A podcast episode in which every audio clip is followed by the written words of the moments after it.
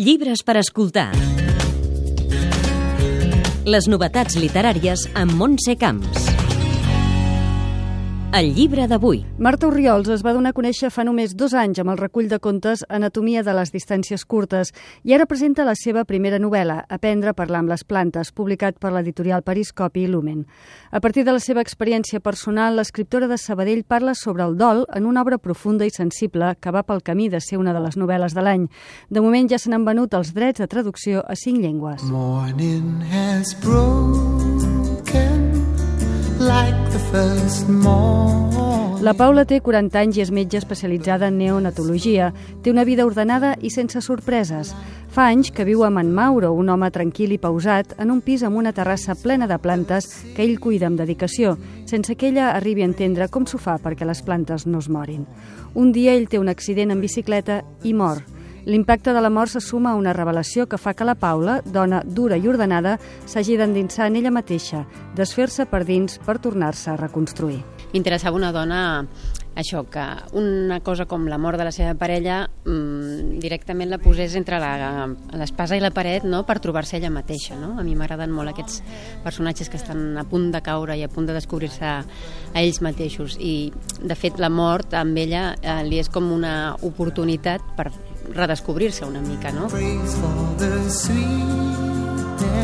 No m'interessava fer una reflexió sobre la mort, però sí que m'interessava indagar molt en aquests sentiments de tirar endavant. No? A mi m'agrada pensar que la novel·la que he escrit eh, és una novel·la sobre la vida i no sobre la mort, no? perquè realment el que fa la Paula és sobreviure a una pèrdua eh, i, i haver de recomposar tot el guió de la seva vida. No? It's not time to make a change. Just relax. El punt de partida de l'obra és el mateix dol de l'autora que va perdre el marit en un accident fa 3 anys i mig.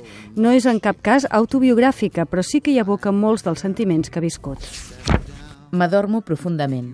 Un parell d'hores, potser, fins que em desperta el so de la pluja al carrer. Miro els edificis de fora, gairebé tots amb les finestres negres, tan sols un parell, dèbilment il·luminades. Estar sol deu ser això. M'espanta sentir-me bé amb la soledat, perquè revela el desig que tenia abans de conèixer el Mauro. Revela que me'n puc sortir. Sentir-se sol genera una emoció diferent, una invitació a la vitalitat i a la resistència.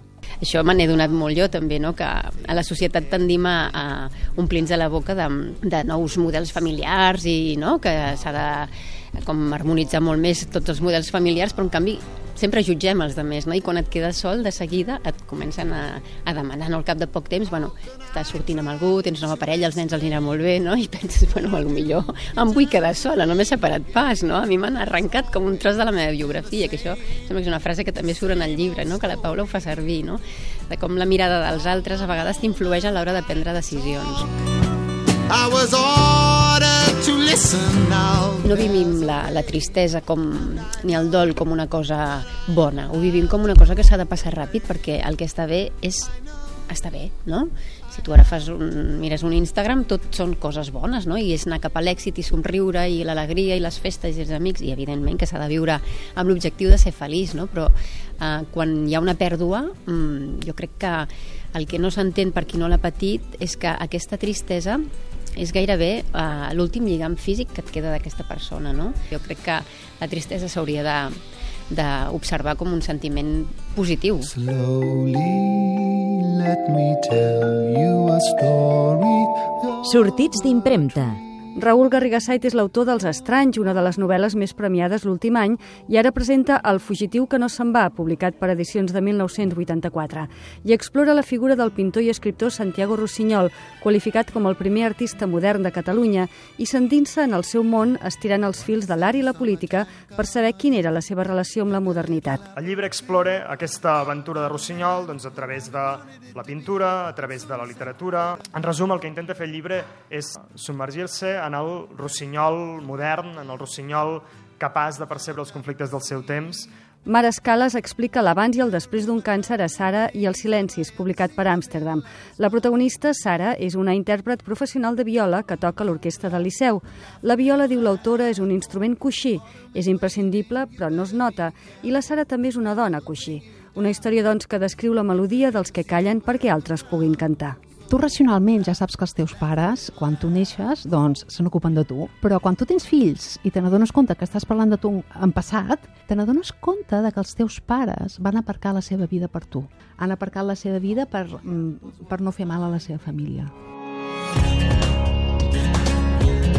Llibres per escoltar. Les novetats literàries amb Montse Camps.